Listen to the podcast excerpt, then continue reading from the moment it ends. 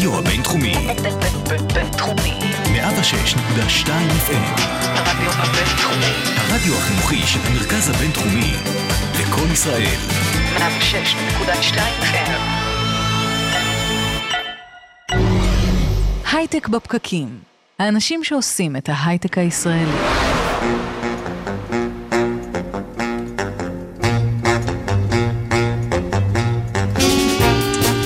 בוקר טוב, יום חמישי, השמונה לאוגוסט, אנחנו הייטק בפקקים.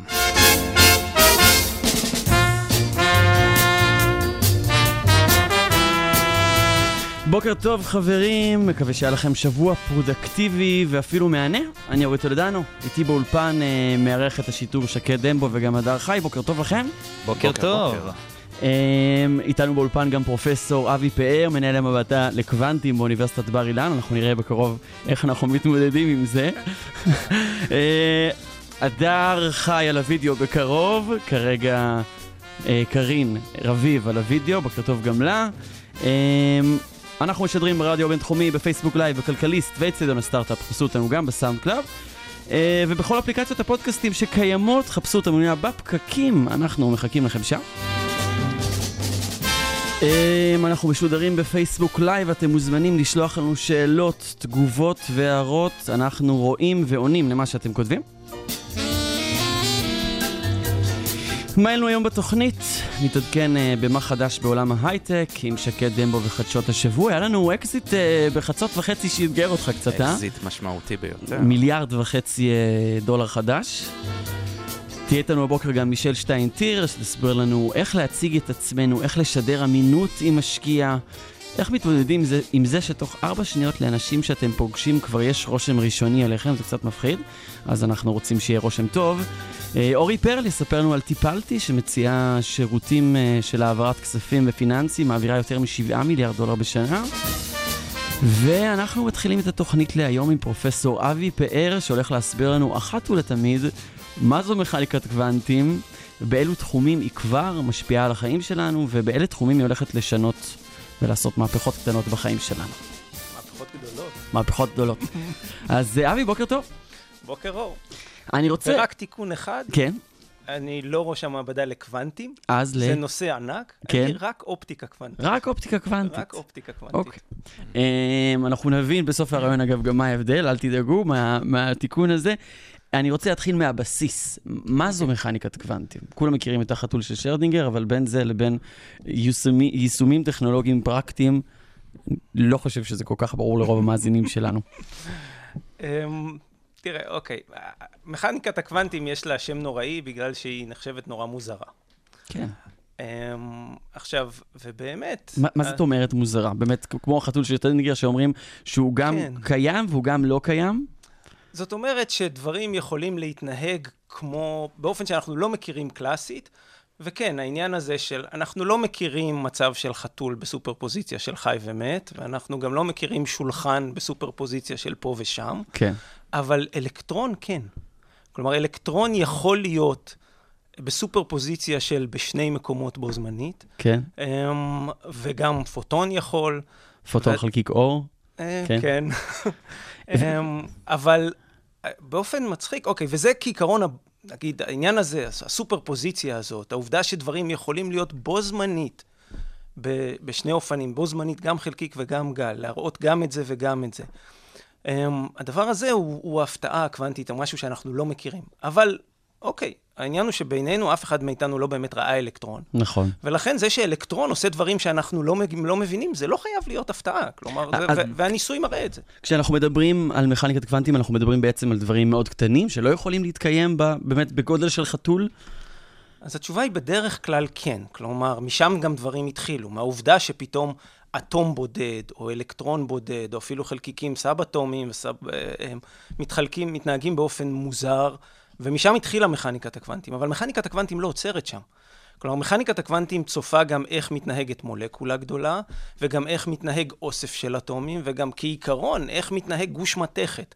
כלומר, כל דבר, גם אנחנו בסופו של דבר מכונה קוונטית, וההפתעות הקוונטיות מתחילות, הולכות ונהיות הרבה יותר מסובכות ברגע שאתה עובר מאחד לשניים, לשלושה, לעשרה חלקיקים, והיום אנחנו כבר יודעים לטפל באופן קוונטי, למשל במראות קטנות, שיש בהן מיליונים ואפילו יותר, מיליארדים של חלקיקים, ועדיין זה מתנהג באופן קוונטי. ומשם אנחנו, משם פריצות הדרך הטכנולוגיות הגדולות, מזה שאנחנו יודעים להשתמש ב, ב, בהתנהגויות קוונטיות ב, בדברים גדולים יותר. אתה צודק ממש. אוקיי. כלומר, כשאנחנו מסתכלים על הפריצות הטכנולוגיות, אז אנחנו בדרך כלל נוהגים לקשור אה, לקוונטים שתי מהפכות. אחת, המהפכה הקוונטית הראשונה, שזה משהו שקרה בשנות ה-50 וה-60. אוקיי. בנקודה שבה הבנו איך אלקטרון ואיך פוטון מתנהג, והעובדה... שקוונטים בעצם זה מהמילה כמו קווינטה במוזיקה, מי מאיתנו שעכשיו הרקע המוזיקלי שלו עוזר לו, שזה אומר הפרשים מדויקים. אנחנו מדברים על עולם בדיד, לא עולם רציף. נכון. לדוגמה, אם אנחנו נדמיין גל, הוא לא גל רצוף, הוא יותר כמו הגזירים האלה של אה, עיתונים. אה, קווים, קווים, קווים כאלה, נכון? זאת אומרת, דווקא כשמדברים על גל, אוקיי, קודם כל אתה צודק, קוונטה הוא היא מנה. והעובדה שדברים באים במנות, זה בדיוק העניין המיוחד של קוונטים, שדברים שאינם רציפים, ש, שיש דברים ש, ש... למשל הפוטון, למרות שהוא גל, הוא עדיין בא במנות אנרגיה שהן הפוטון, כלומר פוטון אחד, שניים, שלושה, ואין חצאים. אמ, אבל ה... אמ, תזכיר לי את השאלה. המהפכה הראשונה. כן, כן. Um, אז, זאת אומרת, אז זה הבסיס של קוונטים, העובדה שאנחנו, שדברים כאלה מגיעים במנות. Um, אבל אם נחזור לעניין המהפכה הראשונה, אז המהפכה הראשונה היא בעצם הטרנזיסטור שלכם.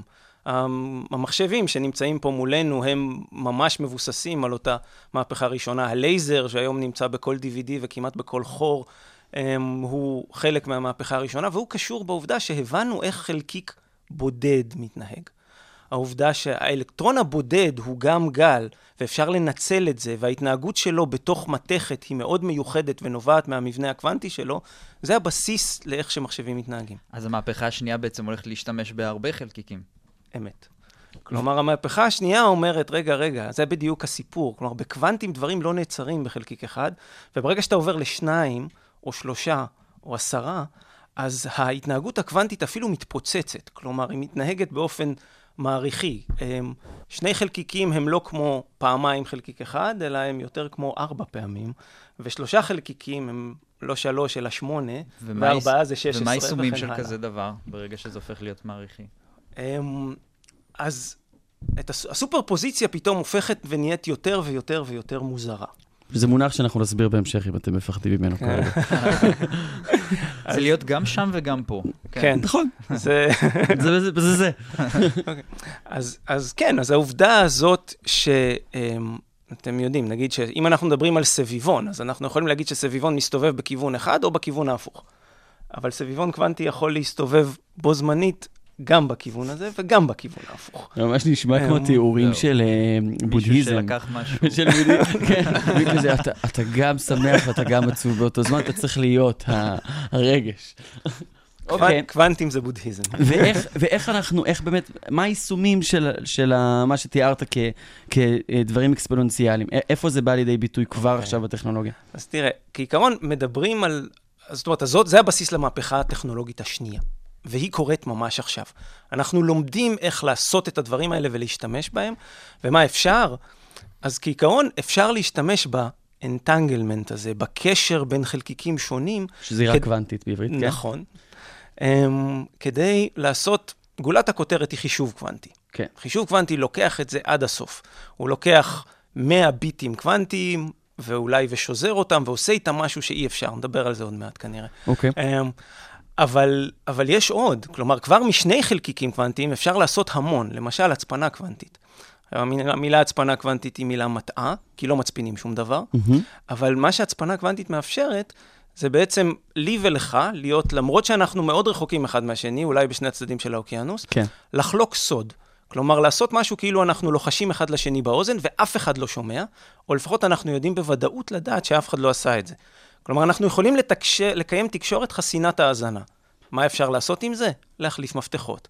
כלומר, כשאנשים רוצים לעשות תקשורת מאובטחת, הם צריכים שיהיה להם מפתח. המפתח הוא בפני עצמו לא חשוב לכלום, הוא רק חייב להיות סודי. כן. כלומר, חשוב מאוד שאף אחד אחר לא יודע אותו. כן. אם, אם נביא איזה רקע היסטורי לדבר הזה, אז נגיד האניגמה, מה שטורינג כן. עשה, הגרמנים היו מחליפים מפתח כל יום, נכון? אמת.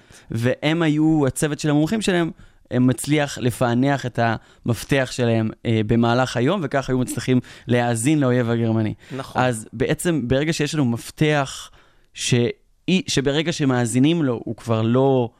לא, אי אפשר לא להשתמש פציע. בו יותר, נכון? נכון. אז בעצם תיאורטית, אנחנו מסוגלים להצפין משהו שלחלוטין אי אפשר להקשיב לנו. נכון.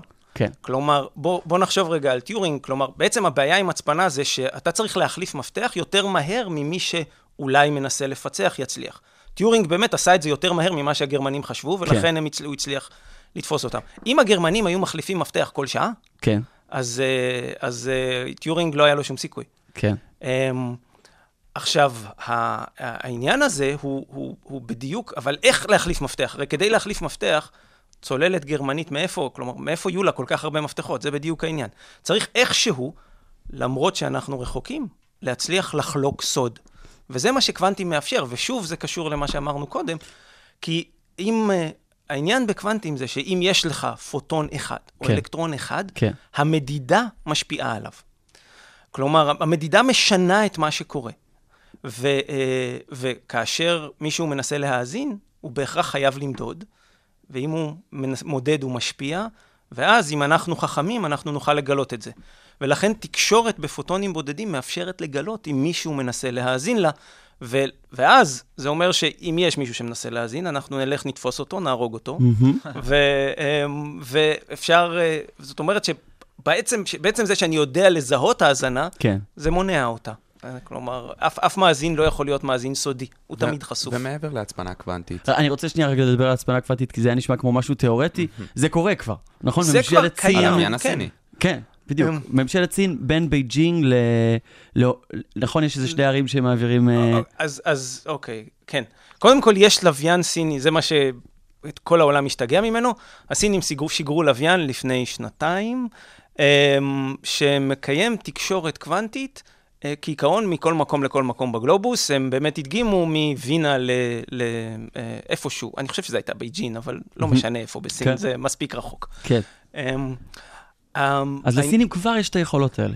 שאלה, כן ולא. משמע, מעבר לזה שהם מדברים סינית, אה, אנחנו גם לא יכולים אה, את הסינית להאזין לו. לא, לא, אמרתי כן ולא, מפני שהבעיה האמיתית, תקשורת קוונטית, כן, קיימת. כן. אפשר לקנות היום, יש חברות שמוכרות את זה, אתה יכול לקנות מכשיר, ולמשל בסיבים אתה יכול לקיים תקשורת לכמה עשרות קילומטרים, אולי 100 קילומטר. אמ, לעומת זאת, עם הלוויין אפשר לקיים תקשורת למרחקים גדולים, אבל בקצב מאוד נמוך. כלומר, הבעיה, אז מצד אחד, כן, יש כבר תקשורת קוונטית, אתה יכול, אם אתה רוצה לקיים תקשורת קוונטית פה בתוך המרכז הבינתחומי, יש כבר פתרונות, אתה יכול ללכת לקנות, אתה לא צריך אותי. אמ, אבל, אה, אה, אבל זה נכון שהעניין הזה של איך לפתור את הבעיות למרחקים גדולים, אמ, זה משהו שהוא עוד לא פתור, ושם יש אה, אתגר גדול. והסינים כאילו עושים רוח, אבל הלוויין הזה לא באמת פותר בעיה. הוא, הוא כאילו, הוא מאפשר לעשות תקשורת בין, בין סין ל, ל, לווינה, כן, אבל מאוד מאוד מאוד, מאוד איטית. לאט. כן. ו, ובקצב כזה, מה זה לאט? זה לאט גבולי. זה דיליי פשוט ב... אתה לא. שולח הודעה, אתה מקבל אותה אחרי יומיים? מהירות לא, האור, אתה מס- מקבל אותה... מספר, המ- המהירות היא מיידית, אבל מספר הפוטונים, או מספר הביטים שאתה מסוגל להעביר בשנייה. מהמם. כלומר, אה, זה בוא בעצם נגיד... ה- ה- האורך של ההודעה. נכון. האורך של ההודעה שאתה מסוגל להעביר בזמן נתון. מהמם. אמ, והם, ל-IBM לדוגמה, הצליחו לפתח מחשב שיש בו 20 קיוביטים, נכון? כן. שביטים רגילים, אם היה לי מעבד עם 20 ביטים, לא הייתי יכול לעשות עם זה כלום. ש- נכון. שקיוביט זה למה? ביט קוונטי. זה נכון. ביט שנמצא בסופר פוזיציה, אם אני מבין נכון? בין 0 ל-1, נכון. לא בדיוק, זה, חלק אם, מזה, אם חלק הזכרתי מזה. קודם סביבון, אז שהסביבון, אז, אז אלקטרונים למשל, הם באמת סביבונים, יש להם ספין, והכיוון שלו יכול להיות או למעלה או למטה, שזה בדיוק כמו להגיד, הסביבון הזה מסתובב ימינה או שמאלה. וכן, כלומר, כשאנחנו מייצגים קיוביט קוונטי, אנחנו משתמשים בספין, למשל, של אלקטרון או של אטום, ואנחנו אומרים, אוקיי, הוא בסופר פוזיציה של up ודאון. וכן, אז זה יהיה קיוביט אחד. אבל ברגע שאתה לוקח כבר שניים, אז הם יכולים להיות בסופר פוזיציה של כל ארבעת המצבים האפשריים. לשני אה, ביטים, ושלושה בסופרפוזיציה של כל השמונה האפשריים, או השש עשרה, זאת אומרת... מה יהיה עם אלפים? אדיר. אלפים שזה כבר נהיה מעריכי בצורה בלתי נתפסת. אז השאלה נכון. איך מטפלים באלפים. אוקיי, אז קודם כל, הבעיה האמיתית הניסיונית היא איך בכלל לייצר. כן. כי זה מאוד קשה. הסיבה, ל-IBM יש מחשב קוונטי עם 20, עם 20 קיוביטים, זה המון, ניסיונית זה מדהים. Uh, מבחינת יכולות חישוביות זה עדיין לא נותן שום דבר. Um, אבל העניין הוא שהמכונה הקוונטית כאילו יכולה להיות בסופר פוזיציה של כל המצבים שלה, וזה אמור לאפשר לה לעשות דברים יותר טוב או יותר מהר. השאלה איזה דברים היא שאלה נורא מעניינת, ובינתיים אנחנו לא יודעים את התשובה. כלומר, השאלה מהם היכולות של המכונה הזאת ברגע שהיא תקום, זאת שאלה ממש מעניינת. ומה להערכתך? או, מה קורה כבר עכשיו? לפני, לפני שנדבר על העתיד, בוא קודם נהיה בהווה, חזרה לבודהיזם של הקוונטים. אה, מה קורה היום עם, ה- עם אותה אה, מכונה של IBM שיש לה 20 קיוביטים? אוקיי. אז קודם כל, מה אנשים מנסים לעשות עם, ה, עם, ה, עם, ה, עם הדברים האלה? למה מחשב קוונטי כל כך מעניין? כי מחשב קוונטי יודע, או מה שאנחנו יודעים, זה שמחשב קוונטי יודע לפתור בעיה אחת מאוד חשובה. הבעיה הזאת היא איך לקחת מספר גדול ולפרק אותו לגורמים ראשוניים. הבעיה הזאת היא בעיה שמחשב קלאסי קשה לו לעשות. Mm-hmm. דרך אגב, אנחנו לא יודעים, האלגוריתמים שיש לנו היום הם אלגוריתמים שקשה להם. אנחנו לא יודעים בוודאות שלא קיים אלגוריתם אפילו קלאסי שהוא פשוט לטובת העניין. כן. אבל הסיבה שהבעיה הזאת מעניינת זה שכי כל ההצפנה של האינטרנט היום נשענת עליה. RSA זה בעצם זה, נכון? RSA זה זה, זה נשען על העובדה שאם אני אתן לך שני מספרים, להכפיל אותם, זה מאוד קל, אבל אם אני אתן לך את המכפלה, למצוא את שני המספרים שמרכיבים אותה, זה משהו שהוא הרבה יותר קשה. משמע, הכי קטנים הראשוניים שאני יכול למצוא, שמרכיבים את המספר הזה, כן. זה... ו- וב-FBI לדוגמה, אני יודע שיש להם מחשבים מאוד גדולים, שממש זה מה שהם עושים. נכון. הם מנסים להאזין לאימיילים נכון. אה, של דרך כל מיני אגב, זאת גורמים. הסיבה שמונעים מאיתנו להשתמש ב... אמ, כלומר, בעזרת RSA אפשר לעשות גם דברים שיהיו קשים גם ל-FBI, רק שהתקנות שה-FBI דואג שיהיו, מבטיחות את זה שזה לא יהיה יותר מדי קשה להם. כן. שזה יהיה קשה, אבל לא יותר מדי. אה, וואי, הם ממש אומרים כזה, שעדיין נוכל לפתור את זה, מעניין. זה לא, זה לא עד כדי כך מפורש, אבל בפועל כן. כן. אמ, וכל התעבורה, לצורך העניין של אמ, העברות פיננסיות כרגע בעולם, בעולם, הקידוד שלה, ההצפנה שלה, יותר נכון, היא RSA. אמת. משמע שאם, עכשיו אה, נגיד אתה, תרחישי מה? או אני? אנחנו בתחרות? מי יצליח קודם, אה, נבנה אה, באמת מעבד שיש בו 100 קיוביטים קוונטיים, 100 ביטים קוונטיים, אנחנו נצליח בעצם לפ- לפרוץ את כל התקשורת המ- המוצפנת בעולם? עקרונית, כן. לא רע. לא כן. רע. אז זאת הסיבה שכן, שמחשבים קוונטיים נורא מעניינים, אבל בוא נגיד, זאת אומרת, מחשב קוונטי הוא גם באמת היהלום שבכתר. כן. כלומר, הטכנולוגיה הקוונטית היא משהו שהוא יותר רחב ויש בו הרבה מאוד יכולות. הזכרנו קודם הצפנה קוונטית, יש גם מדידה קוונטית שפתאום מאפשרת למדוד דברים שאי אפשר. עקרונית, אפשר אפילו להוכיח שאי אפשר למדוד? קלאסית. כן, אמ, דווקא אם אנחנו מתפזרים לרגע למדידה קוונטית, אז בוא ניקח דוגמה כזאת. כשאתה הולך לשדה התעופה, אומרים לך שאסור להביא נוזלים. למה? כי אם מישהו ישתמש בנוזלים שהם חומרי נפץ, אי אפשר לגלות אותם. למה? מפני שכדי לגלות חומרים, אתה צריך ממש לעשות sensing, נגיד, של אדים שיוצאים מהם. יש מעט מאוד מולקולות שאולי יצליחו לצאת החוצה. כשמדובר בחומרי נפץ אה, מוצקים, כמות העדים הזאת היא מספיקה כדי לגלות. כשמדברים על נוזלים, כמות העדים שמשתחררת היא הרבה הרבה יותר נמוכה, ולכן אי אפשר. אז אי אפשר להעלות מים, אי אפשר להעלות... כלומר, אם קנית שמפו, אי אפשר. סוף סוף לא יזרקו כן. לנו את המים בשדה תעופה. אולי סוף סוף, אולי זה סוף סוף. הפיתוח כן. הכי כמה- חשוב. כמה כן. בשמים איבדנו. אנחנו בח- מחכים לקוונטים בדיוק. כבר שיוציאו לנו. כן. בדיוק. עכשיו, אבל העניין פה הוא רגישות. כלומר, יש מגבלה קלאסית שאומרת, באמצעים קלאסיים יש רגישות אולטימטיבית שאתם לא יכולים יותר טוב ממנה. ובאמצעים קוונטיים אפשר לעבור את זה. כלומר, על ידי ניצול של אותה שזירה קוונטית, או של אותן קורלציות, העובדה ששני חלקיקים שזורים יכולים להיות, נגיד, באיזה מין מצב כזה, שאני לא יודע מה, איך זה עומד, ואני לא יודע איך זה עומד, אבל שניהם בטוח בדיוק אותו דבר. אז בקורלציה הזאת אפשר להשתמש כדי לעשות כל מיני דברים נורא מדויקים. הזכרנו הצפנה, הזכרנו חישוב, מדידה מאוד מדויקת היא גם כן אחד מהם. וכן, אז אולי, אז אולי סוף סוף לא יזרקו לנו את הבושם בשדה התעופה, אבל אפשר לחשוב על עוד כמה שימושים טובים לעניין הזה. וכשאמרת מדידה. מדידה קוונטית, אז אה, בואו ניקח לדוגמה GPS. אה, GPS, מה שהוא עושה זה, אנחנו צריכים ארבעה לוויינים בשביל לקיים GPS, כל אחד מהם שואל אותנו בעצם, אנחנו שואלים אותו מה השעה, ולפי החישוב שהם עונים לנו, ב- בחישוב עם המרחק כן. של ה... של מרחק, של מהירות האור שמגיע מהלוויין אלינו, אנחנו יכולים להבין באמצעות אה, השאלה מה השעה, איפה אנחנו נמצאים, נכון? נכון. אה, עכשיו, באמצעות מדידה קוונטית, אני יכול לדעת איפה אני נמצא, אם באמת... אה, על יד... כן. אה, אם אנחנו נדע מה השעה בצורה מדויקת, במקום הרבה יותר מדויק, ממש ברמה של הסנטימטר או הננומטר אפילו. קודם כל זה נכון, כן. כלומר, אה, אבל תשים לב שדווקא, כלומר, א', כלומר, מה שאמרת הוא מדויק. כלומר, אנחנו... בשביל, אם מי שזה לא נשמע לו מעניין, אז תדעו שמערכת כיפת ברזל משתמשת פלוס מינוס בטכנולוגיה הזאת. אז הנה, זה נכון, רלוונטי לנו. אוקיי. אם אנחנו מדברים על ה- על- על שעון אטומי, זה מה שעון שאנחנו... אטומי, נכון. זה אוקיי. ה... לשם אני חותר. כן, כן, כן. אוקיי, אז שעונים אטומיים הם באמת שעונים שיכולים להיות נורא נורא מדויקים, ודרך אגב, יש עכשיו מהפכה יסודית גם כן בעניין של הגדרת הזמן. זה קשור ולא קשור לאותה מהפכה קוונטית שנייה שהזכרנו קודם. אמ, כן, אנחנו, השעונים האטומיים שלנו פתאום נהיו נורא מדויקים, מדויקים פי 100 מהשעונים האטומיים הכי טובים שהיו עד עכשיו. השנייה עומדת על סף הגדרה מחדש, כלומר, אנחנו נגדיר מחדש את מה זה, מהי השנייה. נענה לה על השאלה מה השעה בצורה הרבה יותר מדויקת ממה שענינו אי פעם. נכון, נכון. ב- כלומר, וכעיקרון, אם קודם ידענו את, ה- את השעה עד כדי 15 ספרות אחרי הנקודה, עכשיו אנחנו נדע אותה עד 17 או 18 או 20 ספרות אחרי הנקודה. כן. עכשיו, האם זה באמת חשוב? אז התשובה היא, לכאורה זה נראה, מה, מה אכפת לי? אבל, אבל כן, מאוד אכפת לך. קודם כל, הזכרת קודם, ה-GPS ממש נבנה על שעונים מדויקים. כן. כלומר, על העובדה שעל הלוויינים יושבים שעונים מאוד מדויקים, והם יודעים את השעה בדיוק מאוד טוב, וכאשר אתה שואל אותם מה השעה, אתה יכול לסמוך על זה שהם יודעים את השעה היטב, ולכן על סמך העובדה שאתה מקבל תשובות שונות, אתה יכול לדעת איפה אתה נמצא, מפני שמהירות האור לוקחת, גורמת לזמן של התשובה להגיע אליך, ומתוך זה אתה יכול לחשב איפה אתה נמצא על הגלובוס, כי אתה יודע איפה הלוויינים נמצאים. אבל זה, הייתי אומר, הדגמה של הכוח המדהים של המהפכה הקוונטית הראשונה.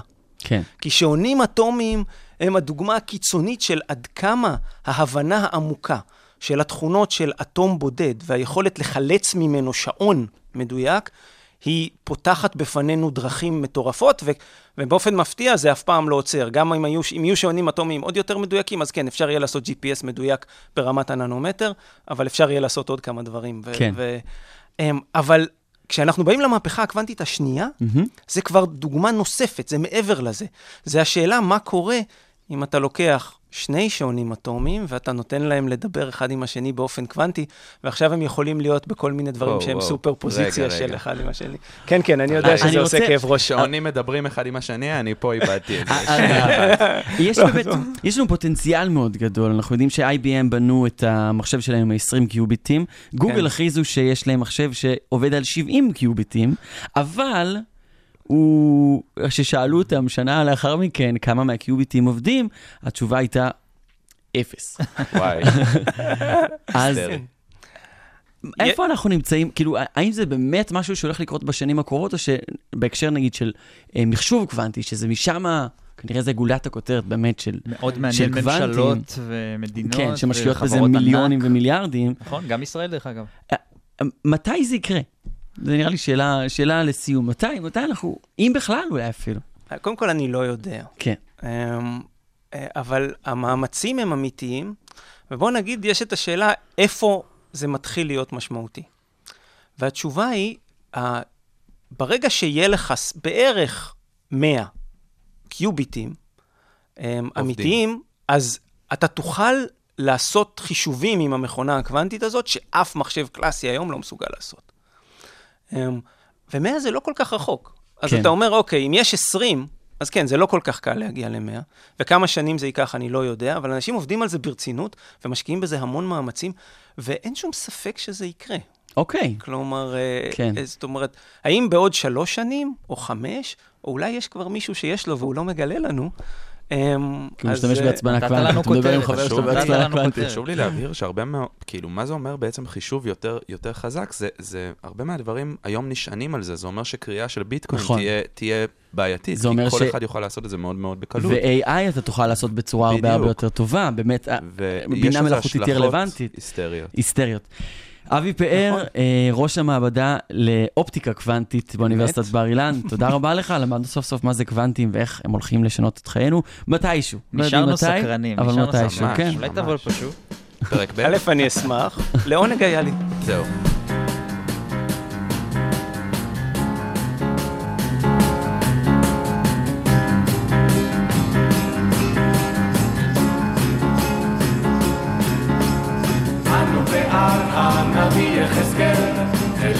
תלך אחריו עם תרמיל ומקל, אל כל מקום שאותנו יביא. הנביא יחזקאל הוא בומבה של נביא, אל אל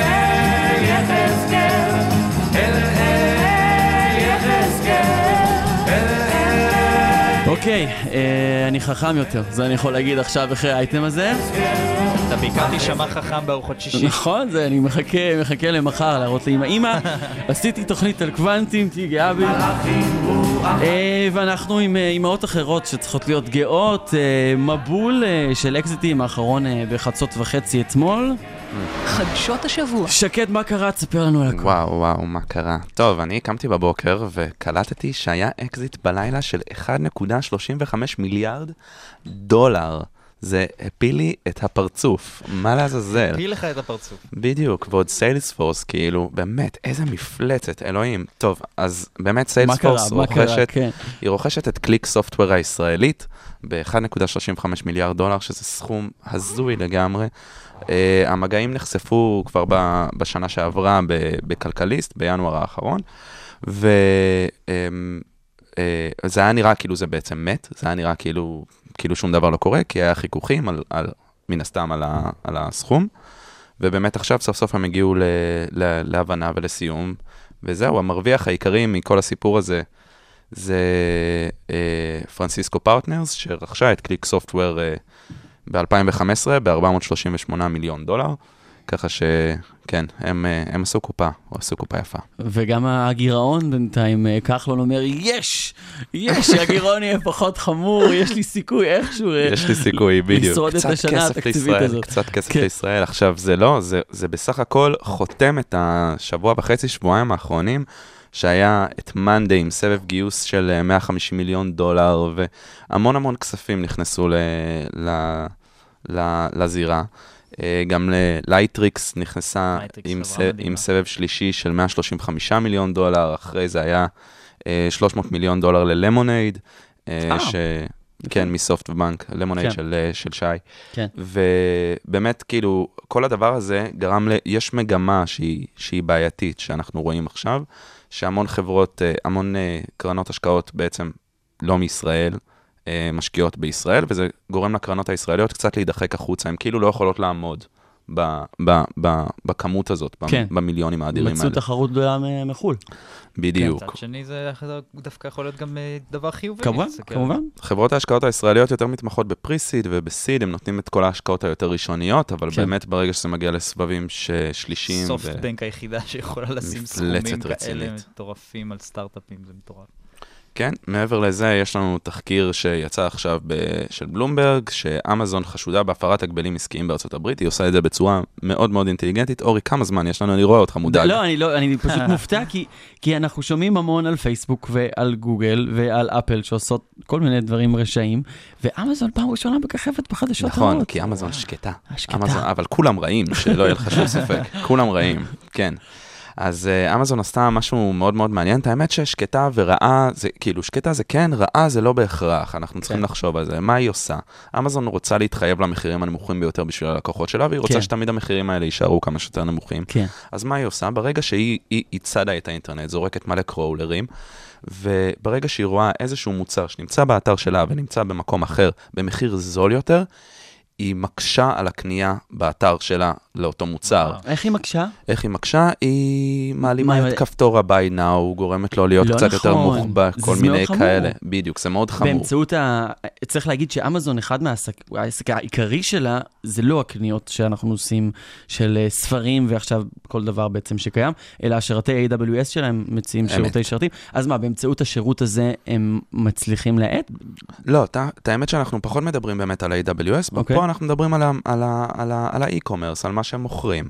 ושם בעצם הם מסתכלים, רואים איזושהי מצלמה, נגיד שאנחנו רואים איזו מצלמת ניקון ב- באמזון, היא, נמכר, היא נמכרת ב-2,000 דולר, והם רואים אותה במקום אחר נמכרת ב-1,500 דולר. באותו הרגע הם גורמים לדף של המצלמה, ל- הם, מעלימים חשוב קצת את לציין, הכפתור. הכל לכאורה. אך לכאורה. הכל לכאורה, זה תחקיר שהוא לכאורה. כרגע... פשוט תחקיר, כן, ואנחנו לא תודה, האשמנו את תודה. טוב. שאמרת. את זה, כן. אמזון חסכתי מקשיבים. לך את כן. התביעה. אז אה, כן. טוב, שקד אמור, חדשות השבוע.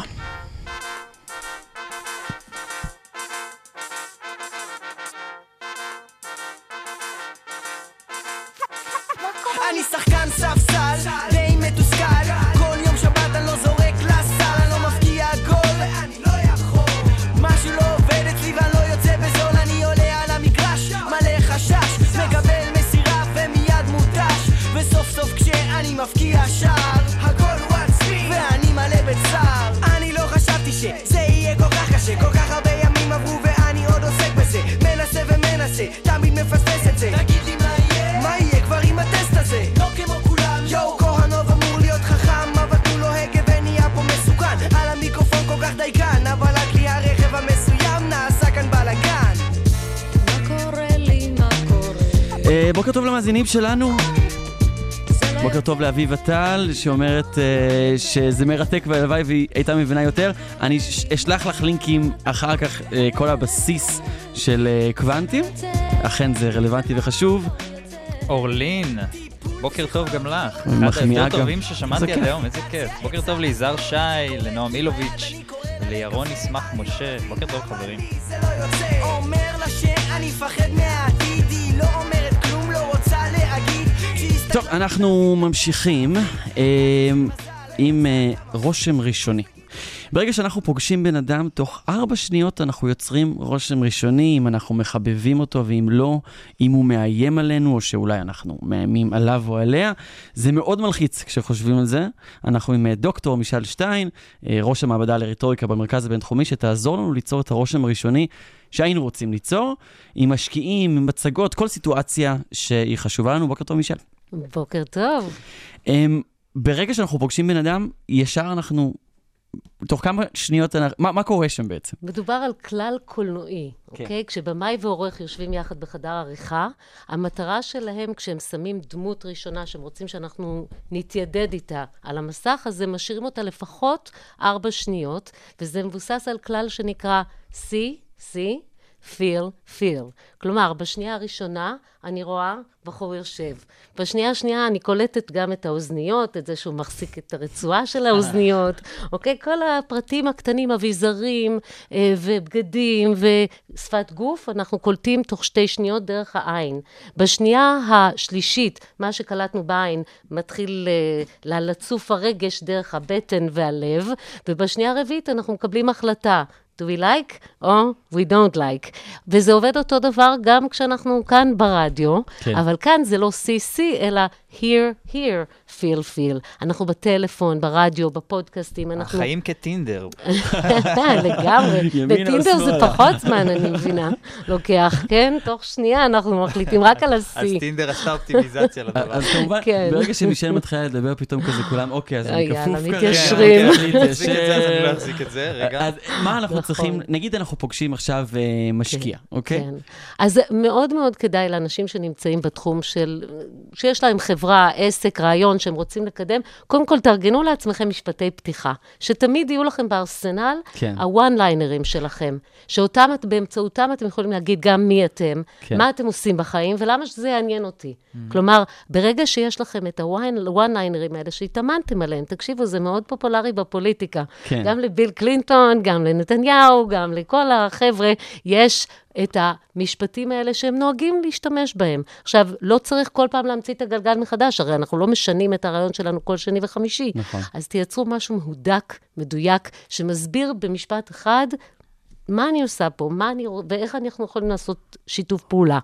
ואנחנו צריכים להיזהר מכל מיני איים ומילים, מילים כמו קצת או מעט. נכון. זה דברים שמפריעים, נכון? כן, יש uh, שתי משפחות מילים מרכזיות, אולי אפילו שלוש. אנחנו נדבר קודם כל על ה, מה שנקרא ה-non-words, המילים הריקות, כן. כמו למשל בעצם. אם יש לנו נטייה להגיד בתחילת כל משפט, אז בעצם, כן, כן, אז... או כאילו. כאילו, בעיקרון, למעשה, בקיצור, אז זהו ש... אז ככה, בסופו של יום, בעיקרון, אפשר להמשיך, יש כן. המון. לשים לב מהי זו שלנו, ולנסות לסגל את ההרגל, לשים במקומה פאוזה. שקט, זה הס. יותר מסקרן. שקט זה בונה, זה בונה מאוד, מתח. דרמה. מה הולך להגיד? בדיוק. מה הולך להגיד? לגמרי. וגם המילים המקטינות שהזכרת, כן. מאוד, זה אחת קצת, הבעיות. אני די, רק. אני די טובה בתחום הזה, כן, או, סתם, כן. כן. אני, אני, אמר לי מקודם אה, שקד, כן, אני סתם חנון. אם לא, הוא היה למה חנון, סתם? אני בדיוק. חנון, מרשים, אבל סתם חנון זה כבר באמת נכון. ובייחוד זה חשוב כשאנחנו מציגים את עצמנו. עבדנו קשה כדי להגיע עד הלום, אז uh, בשביל מה להשתמש במילים המקטינות האלה? אפשר לוותר עליהן. ועוד דבר שכדאי להקפיד עליו, לא להתחיל מלא. אוקיי? לש- לנסות להימנע ממילים כמו לא. אין, בלי, אי אפשר. גם המילה אבל היא בעייתית, כי מה שהיא עושה, היא מוחקת את מה כל ש- מה שאמרנו קודם. כן. לנסות לסגל לעצמנו, קודם כל, ברמה המילולית, הרגלים טובים. אוקיי. ואז איך אני באמת מגיע, נגיד עכשיו יש לי פגישה עם משקיע, פגישת חיי, מחכה לה כבר אה, שנה, שאני עובד על הסטארט-אפ שלי, לא ישן, מחכה לפגישה הזאת, אני רוצה שיהיה. אני לא ישן, אתה יודע זה, אני רוצה לשדר אמינות, אני רוצה לשדר שאני סוס אה, מנצח שכדאי אה, להשקיע בו, איך אני עושה את זה מבחינת שפת גוף ורטוריקה? אוקיי, אז קודם כל, הדבר שאנחנו יכולים לעשות הכי טוב זה להיות אנחנו עצמנו. כן. כן? אבל כדי להיות אנחנו עצמנו ב-60 שניות הראשונות, כדאי מאוד להתאמן, כי אלה הם, הדקה הראשונה בכל סיטואציה רטורית כזו היא מאוד מלחיצה, ואנחנו רוצים להיות טובים בה. אז תתאמנו, אני קוראת לזה לעשות דה נירו, טכניקת? דה נירו. דה נירו. דה נירו, רוברט דה נירו, מכירים את, הסצנה. שהוא עומד מול המראה ואומר לעצמו, זוכרים מה? אה, are you talking to me? בדיוק. אז הוא אומר, you talking to me חמש פעמים, כן. וכל פעם הוא אומר את זה בצורה אחרת. וה... כאילו, הטקסט נשאר קבוע, mm-hmm. מה שמשתנה זה המסרים הלא מילוליים. ואז אם אנחנו מתאמנים על איך להגיד את אותו משפט ראשון קשה, כמה וכמה פעמים, אז כשאנחנו מגיעים למשקיע, אז אנחנו מסוגלים לתת את עצמנו... להתמקד במסר הלא מילולי, בדיוק, במקום בטקסט. במילולי, כי אנחנו כל הזמן לחוצים, מה נגיד, איך נגיד, ויותר חשוב האיך, כי כ-70% מכל המסרים שאנחנו קולטים בכל סיטואציה תקשורתית נובעים מהמסרים הלא מילוליים. אז תתאמנו, תעשו דה נירו, תדעו עם, מאיפה אתם מתחילים, ואם ההתחלה שלנו טובה, אז הרבה פעמים אחר כך אנחנו מרגישים יותר טוב. ואז מה לגבי המסרים הלא מילוליים? נגיד אני מילוליים, יודע כן. את הטקסט, אני יודע מה אני הולך להגיד, עכשיו מה אני צריך להתמקד בו מבחינת מסרים לא מילוליים, לפחות, את יודעת, fake it till you make it כזה, Exactly. כי בסופו של דבר אתה אה, מגיע למצב שאתה לא באמת אה, אה, יודע ומודע לזה בזמן אמת, למסרים הלא מילוליים. נכון. ואם אתה תתאמן על זה, אתה אולי תגיע לזה. זה בדיוק העניין. תרגול, uh, practice makes perfect. אבל בואו נשים לב לכמה תבניות התנהגות שיש לאנשים שמאפיינות אותם בסיטואציות של לחץ. נתחיל קודם כל מהאיקסים. האיקסים או ברגליים או בידיים. כשאנחנו משלבים את, ה- את הזרועות, ב- זה סגור, נכון? ויש גם את התופעה של... אמרת- אמרת את זה ובצד יוצא, אה, אוי, אני עושה את זה כרגע. אני כן. אני גם, אותו דבר. אז, אז לפתוח את אזור הלב והרגש, לנסות לבוא לסיטואציה הזו פתוחה, כי יש uh, תופעה שנקראת תנוחת מראה. אנחנו מאוד משפיעים אחד על השני על, ב, ב, בשפת הגוף שלנו, אז כן. כדאי לנסות לשדר, אני באה לזה פתוחה, כן? ושימו לב שאתם רואים לפעמים ראיונות אה, של שני אנשים, או שני אנשים יושבים ביחד, אתם רואים שפתאום באותה סיטואציה... מתאמים תנועות. ממש- אה, זה כאילו, קורה. יש כאילו עוד שיחה שמתנהלת במישור לא מילולי. אנחנו יצורים חקייניים, כן. כן? זה בדיוק הסיבה. ו- אבל גם אם, אם הפגישה מתרחשת בעמידה, יש לאנשים הרבה פעמים נטייה לעשות איקס ברגליים, וזה גם סגירה. אז עדיף משני, משני טעמים. קודם כל, עדיף לעמוד על שתי רגליים נטועות בקרקע, כן. כי ככה הקרקע שלנו יותר יציבה ויש לנו יותר ביטחון כן. דרך הגוף החוצה, אבל גם העין מאוד אוהבת סימטריה. אוקיי? אז אם אנחנו יישובים זקופים, או עומדים על שתי רגליים, אז הרבה פעמים הפרטנר שלנו, זה הופך, זה נותן לנו מראה יותר סמכותי, מעורר יותר אמינות, אז כדאי להקפיד על, ה, על הדברים האלה. קשר למשל, עין. קשר עין. מאוד מאוד חשוב, והרבה פעמים לאנשים יש כל מיני מחבואים, כן. שהם מסתירים את אז העיניים. ק- קשר עין זה משהו שתמיד אני מתחבט איתו, כי גם יותר מדי קשר עין מרגיש לי... עקרון פרטו. אה, 80-20. 80-20. כן. פחות 80 או יותר. אה, להסתכל, 20 לא? זה גם אבל המון. גם, אתה יודע, לך תחשב את זה. כן. פחות או יותר, כשמו- סופר כ- בלב. כ- ב- כ-80 אחוז מהזמן לנסות להיות בקשר עין, זה אכן יכול להפוך למטריד, אם זה כל הזמן, אבל כן. גם חלוקת הקשב בין האנשים השונים שנמצאים מולך. כלומר, אתם אה, אמ, לא תמיד עומדים מול בן אדם אחד, יש לפעמים קבוצת המשקיעים מופיעה מולכם. כן. אז ת- ת- לחלק את הקשב כדי שאף אחד לא ירגיש מוזנח. להתייחס אל כולם. בדיוק. את יודעת שאני ממש אה, מתרשם תמיד שאנשים עושים את זה, ואני כזה תמיד אומר לעצמי, זה נראה כל כך טוב, אני צריך לעשות את זה גם, אני אני לא כזה טוב בזה. וגם זה נותן לך עוד משהו, אתה, אם אתה יוצר קשר עין, אתה באמת רואה כן. אנשים אחרים. כן. ופחות מתרכז בעצמך. כן. אז זה מוריד לחץ גם כן, אה, מאוד ו- עוזר. אז באמת שאנחנו מול קבוצה של אנשים, איזה דגשים אנחנו צריכים לשים לב עם עצמנו. אז דיברנו על שפת גוף ודיברנו על העיניים, ויש פרמטר מאוד מאוד חשוב נוסף שאנחנו הרבה פעמים שוכחים לשים לב אליו, וזה הקול. הקול שלנו כשאנחנו עומדים מול קהל, זה אחד הכלים המרכזיים להעברת רגש. והרבה פעמים כשאנשים בהתרגשות גדולה מדי, אז הקול שלהם הופך להיות מונוטוני ומשעמם, ויש מין התאמות עולות כאלה. כל הזמן אנחנו שואלים במין סימן שאלה בסוף, ואז זה הופך לרשימת משהו מכולת. משעמם כזה? כן. אוקיי? אז מזה כדאי מאוד לנסות להימנע, ולייצר גיוון, גיוון כן. קולי, וכל משפט יכול לעמוד בפני עצמו. הכל יכול לעצור. זאת אומרת, אפשר לדבר במשפטים קצרים, גם יותר קל כך לאנשים שמולנו לשמוע ולהבין מה המוצר הזה או הרעיון המדהים שאנחנו אה, מביאים. לפני שאנחנו נכנסים למצבים כאלה, אנשים מתרגלים משהו שנקרא סאשה, נכון? זה משהו שאתם... אוקיי, זה...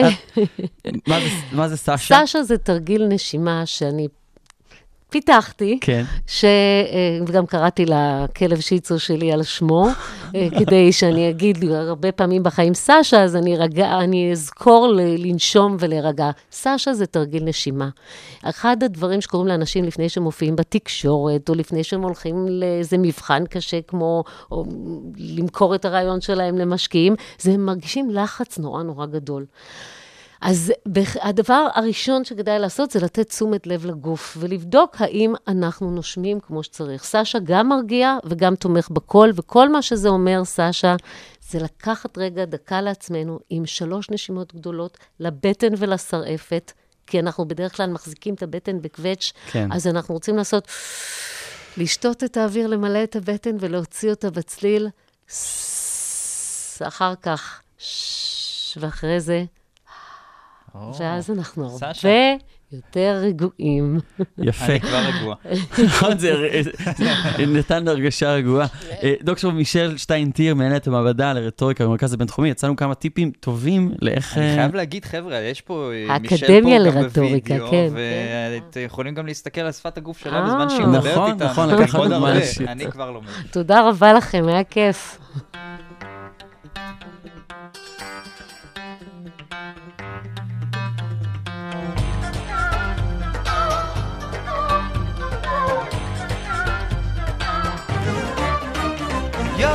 ידע אשר קונהו בחמור, גם חמור ידע, וחמור אבוס בעליו.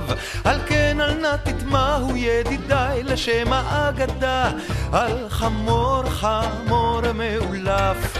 قالوا للحمار لا وين قال يا لي لحتى بيالي العين قالوا للحمار لا وين قال يا لي لحتى بيالي العين قالوا للحمار لا وين قال يا لي لحتى بيالي العين قالوا للحمار لا وين השיר הזה קשור לפרשת השבוע שלנו, זה כטיזר אליו. תחת את שקמה אותו אומר, זה לזה כל בני ערב. ועכשיו אנחנו עם... סטארט-אפ בפקקים. לא בדיוק סטארט-אפ בפקקים, יותר כמו חברה גדולה בפקקים. אה, טיפלתי, אה, קרין רביב, שלום, בוקר טוב. בוקר טוב. אה, אז אה, אני שמחה לארח היום את אה, אורי פרל. סמנכ"ל פיתוח בחברת טיפלתי, סטארט-אפ טיפלתי. כן, לא כל כך גדולה עדיין. אז בוא תספר לנו במה אתם מטפלים. אז במשפט, אנחנו עוזרים לחברות לשלם כסף, עוזרים לחברות לשלם כסף לספקים שלהם. אבל אם ניכנס טיפה יותר פנימה, מה זה אומר? אז מסתבר שזו בעיה מאוד מורכבת. היא מורכבת מהרבה חלקים קטנים שמייצרים המון כאב ראש אצל האנשים שמנסים לעשות אותה. אה, ואנחנו עושים את זה עבורם. אנחנו לוקחים את כל הבעיות הקטנות האלה, שאפשר להיכנס אליהן, ועושים את זה עבורם בצורה אוטומטית לגמרי. צפיתי, צפיתי בהרצאה של המנכ"ל שלכם, הוא אמר ככה המון המון פיצ'רים, ושהכול אה, בא לידי ביטוי באמצעות אה, טכנולוגיה של אה, Machine Learning. אתה יכול קצת לספר לנו מה הפיצ'רים האלה? אה, הכל זה עם כסף, נכון? הם בעצם מנהלים כסף, עוזרים בכל מיני פתרונות. המון פיצ'רים, אתה יכול... כן. אז אנחנו קודם כל לוקחים אה, את הכסף של הלקוחות שלנו ועוזרים אה, לשלם אותו, לפזר אותו בכל העולם. כן. אה, יש פה גם Machine Learning, יש פה המון טכנולוגיות, יש המון אוטומציה. אה, אז אני אתן אולי כמה דוגמאות מהתהליך הזה, זה קצת כן. ימחיש את הבעיה שאנחנו פותרים. אז כשאני רוצה לשלם כסף לספק, אני קודם כל צריך להבין מה אני צריך לשלם, אני צריך לקלוט איזה חשבונית ממנו. אה, אם אני חברה גדולה, מישהו צריך לאשר את החשבונית, אני צריך להבין מי בארגון שלי, אותו בן אדם שצריך לאשר, מי הזמין את זה, האם הוא קיבל בכלל את מה שהוא הזמין. אה, פה למשל אני יכול להכניס Machine Learning, אני יכול אה, להסתכל על כל החשבוניות שקיבלתי אי פעם, להכניס אותן לתוך מכונה, שתלמד, תבין מה, מה החוקיות מאחורה, ולהציע מי אותם אנשים. רגע, נפתח לך מיקרופון, ואז יש ישמעו. גם את השאלה. אז כדי להבין יותר, יותר לעומק, אתם לוקחים בעצם את הכאב ראש הזה של לשלם לספקים, לצורך העניין חברות כמו אמזון, שזה סופר מסובך אה, לשלם לכל כך הרבה ספקים, ואתם נותנים לכם ספקים את זה. בכל העולם, חשוב לציין. בכל העולם, ואתם לוקחים את הדבר הזה ובעצם אה, מטפלים להם בזה. טיפלתי. לגמרי. אוקיי, עכשיו אני מתחיל להבין למה זה טיפלתי. בדיוק.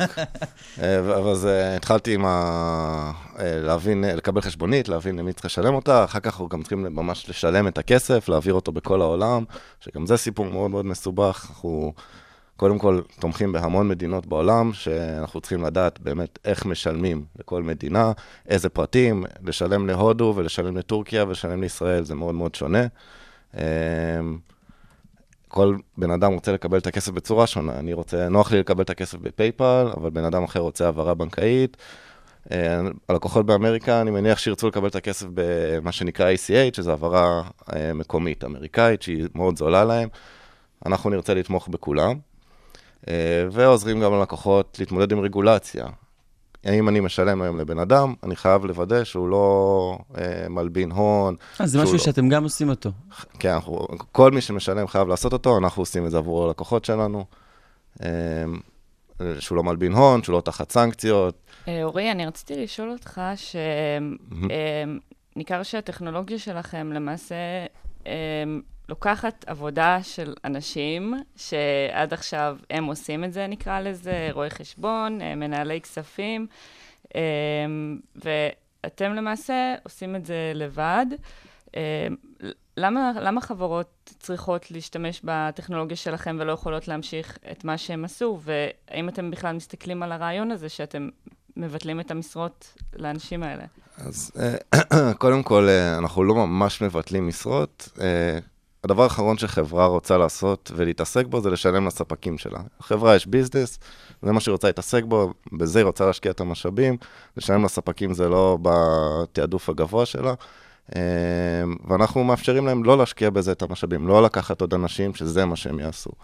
אה, אני יכול לתת דוגמה, טוויטר, הם לקוח שלנו, כשהם באו אלינו הם היו בבעיה. הרגולטור אה, התחיל להציק להם, אמר להם, אתם עושים דברים לא בסדר, גם מבחינת מיסוי, גם מבחינת למי אתם משלמים, אתם לא בודקים באמת מי זה.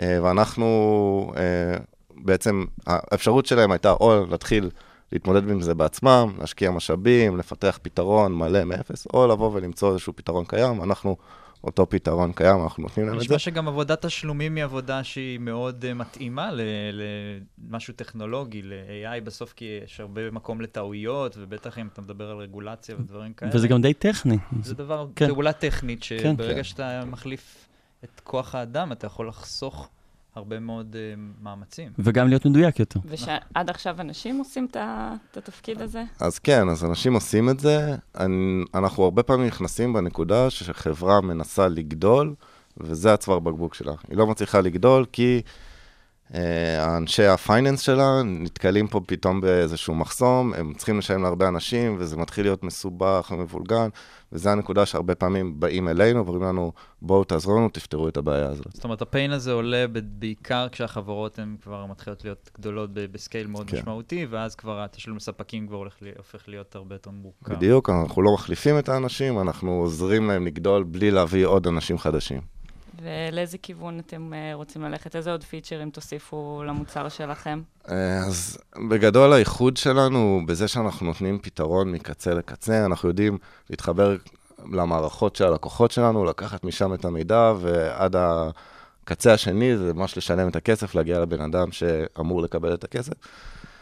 פה יש עוד המון המון המון דברים לעשות, עוד מערכות להתחבר אליהם, עוד פיצ'רים. אה, עוד שווקים אולי, סין, אה, וויצ'ט, אליפיי, זה כיוון שאתם הולכים אליו? היום רוב הלקוחות שלנו הם אמריקאים, השוק האמריקאי הוא עצום.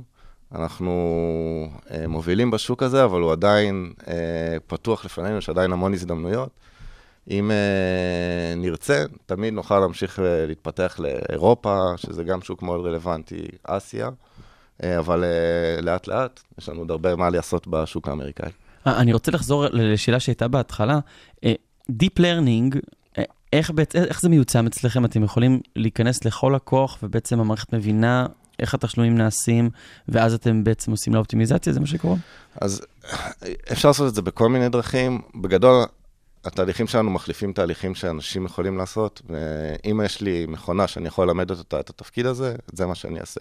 אז נתתי דוגמה אחת, אני מקבל חשבונית, אני יכול לנתח אותה, להבין מה רשום בה, ואז להסתכל אחורה, להכניס את זה לאיזשהו Machine Learning ולהגיד מי צריך לאשר את זה. אני יכול לעשות את זה על כל מיני פרמטרים, מי צריך לאשר את זה, איזה, לאיזה מחלקה זה שייך. אז אנחנו יכולים לעשות את כל הדברים האלה. אני יכול אה, להסתכל על תשלומים שנכשלו בעבר, למשל, ולהגיד, האם התשלום, תשלומים דומים שנכשלו, האם התשלום החדש צפוי גם להיכשל. אה, יש המון דברים שאפשר לעשות את זה, זה גם Machine Learning, זה גם אה, המון אוטומציה, המון חלקים נעים, שיש אתגר טכנולוגי מאוד מאוד מורכב לחבר ביניהם. אה, אז כן, Machine Learning ו- ודברים נוספים. אה, אורי, אתם עושים כבר את מה שאתם עושים אה, די הרבה שנים, נכון? אה, עברתם אה, הרבה זמן בתחום, אה, לפני שפינטק אה, הייתה Buzzword, נקרא לזה. איך, איך הרעיון הזה נולד בכלל? לפני עשר שנים, אני חושבת, משהו אה, כזה. אני חושב שתשע. אה, אז הצורה הכי טובה שבה סטארט יכול להתחיל, זה עם לקוח עוד לפני שיש מוצר. אז ככה אנחנו התחלנו. אה, למנכ"ל שלנו, חן עמית, הגיע אליו הבחור שהקים איתו ביחד את החברה, זה נקרא- קוראים לו אורן זאב, הוא משקיע ותיק. הוא אמר לו, יש לי חברה שאני משקיע בה, ויש לה בעיה, היא מנסה לשלם לספקים, והיא נתקלת בכל הבעיות שתיארתי. אתה רוצה לנסות לעזור להם? אולי תמצא להם איזשהו פתרון? וכן אמר, יאללה, נלך על זה. בהתחלה הוא הניח שיש איזשהו פתרון קיים, ישב איזה שבוע, גילה שאין פתרון קיים, וככה בעצם התחלנו, התחיל לפתח מוצר, וזה התגלגל לעוד לקוח ועוד לקוח. וה machine learning נכנס רק בשנים האחרונות. לגמרי, Machine Learning, כמו פינטק, לפני אה, תשע שנים פינטק היה מושג שלא הייתם שומעים אה, יותר מדי, היום זה כבר מושג נפוץ ומוכר, ככה גם Machine Learning, אה, ורק בשנים האחרונות זה נכנס. אוקיי. אמ, אורי, תודה רבה. אה, בשמחה. יש עוד שאלה ש... לא, תודה יאללה, רבה. עוברים לפרשת השבוע. תודה רבה.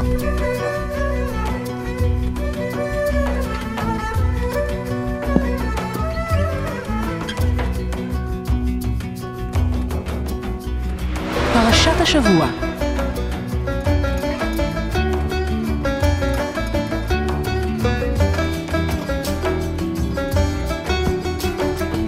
פרשת השבוע, ואנחנו עם אה, קרין אביב. אז... קרין רביב, אני פשוט הדיקציה שלי טעונה שיפור. הרייש נבלעה, כמו. שאתה אומר מייל, אתה אומר מל. מל, מל גיבסון. כן, אני לא אתרגל לזה בחיים. הפרשה השבוע, פרשה? פרשה שפותחת את חומש דברים. נכון. פרשת דברים? אה, אז בפרשה הזו עוסקים בסקירה היסטורית של האירועים שקרו לעם ישראל אה, במדבר אה, במשך אה, 40 שנה, וכל זה מנקודת מבטו של משה. אה, הפרשה הזו באמת יש הרבה נושאים שאפשר לדבר עליהם, אה, אבל אה, אני החלטתי להתמקד השבוע בהפטרה, בייחוד בגלל הסמיכות לצום תשעה באב, שיחול ביום ראשון הקרוב. צום קל למי שצם. כן. צום קל, תלוי במה רוצים להשיג בזה. אני אף פעם לא צום מבינה את. האיחול צום הזה. מועיל, צום לא? מועיל. צום מועיל. עשרה באב, אגב, נכון, צריך צום להגיד. כי הצום יצא השנה נכון, בשבת, והוא נכון. זז שבת אה, קודם לצום. נכון, אז ההפטרה הזו לקוחה מספר ישעיהו, ושם הוא, מתנבא על העתיד לקרות לעם ישראל בעקבות אה, עוולות דתיות וחברתיות, שצפויות להיות בעתיד כמובן. אה, פה אני מדברת אה, על אה, בית המקדש השני, שהוא נחרב בגלל שנאת חינם. מבחינת רחמים, זה היה החורבן הקשה ביותר, כיוון שהגלות בעקבותיו הייתה הכי ארוכה. אז אחד המסרים באמת ש, שאני רוצה לקחת מה, מהפרשה הזו, וגם האמת שרואים אותה, שמדברים על זה בפרשה, איך למדוד אחד את השני, ולא להיתפס לדברים הטכניים ולדברים החיצוניים, ולא רק לנסות להציג את עצמך צדיק כלפי חוץ, אלא גם באמת לעשות. אז התיקון לבעיה הזו של שנאת חינם, כמובן, זה אהבת חינם. או, יפה. אהבת אוקיי. חינם. אהבת חינם זה תמיד טוב. נשמע, זה נשמע, אבל איך אוהבים חינם? מה זה אומר אהבת חינם, אתה יודע? כן, שנאת חינם זה נורא קל. אוהבים זה- חינם, תמיד זה זה בחינם, לא? אבל אף פעם לא... אה, איך אבל, איך אני, איך אני מקיים אהבת אתה, חינם? אהבת חינם, אתה מקבל אה, אדם אה, כמו שהוא, למשל, אתה תנסה לשמח מישהו שנראה לך עצוב, אתה תארח בבית שלך מישהו, גם אם הוא שונה, אתה תיתן לו בכל זאת איזושהי הזדמנות, אה, תנסה לא להתנשא מעל האחר.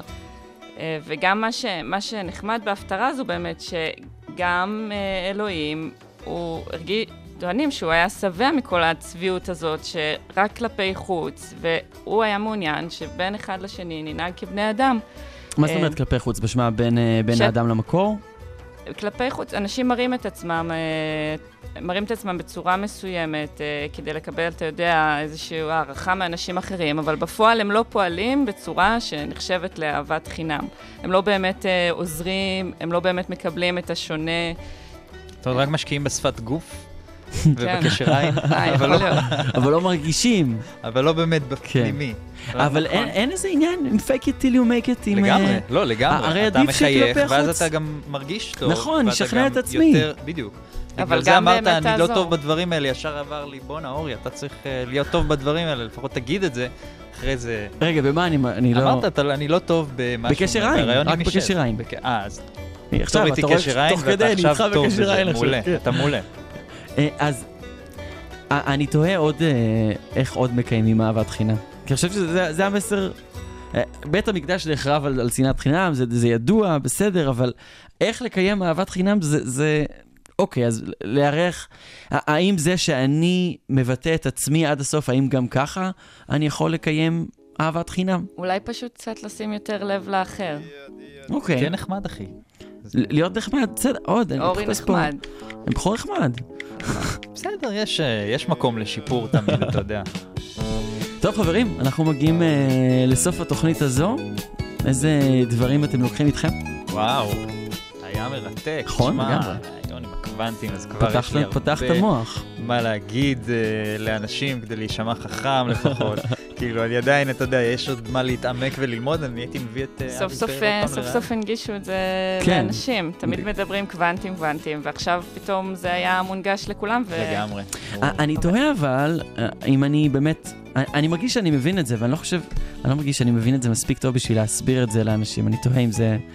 אני אגלה בשישי בערב, אני. אגלה בשישי בערב. כן. תקשיב עוד פעם לראיון. צריך להביא אותו אולי עוד פעם, לעשות אה, קוונטים ל dummies. נכון.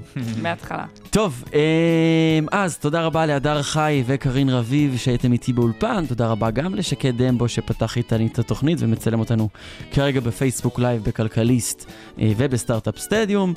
תודה לכלכליסט ולרדיו הבינתחומי על שיתוף הפעולה, תודה לכם שהאזנתם לנו בפקקים, במשרד או בבית.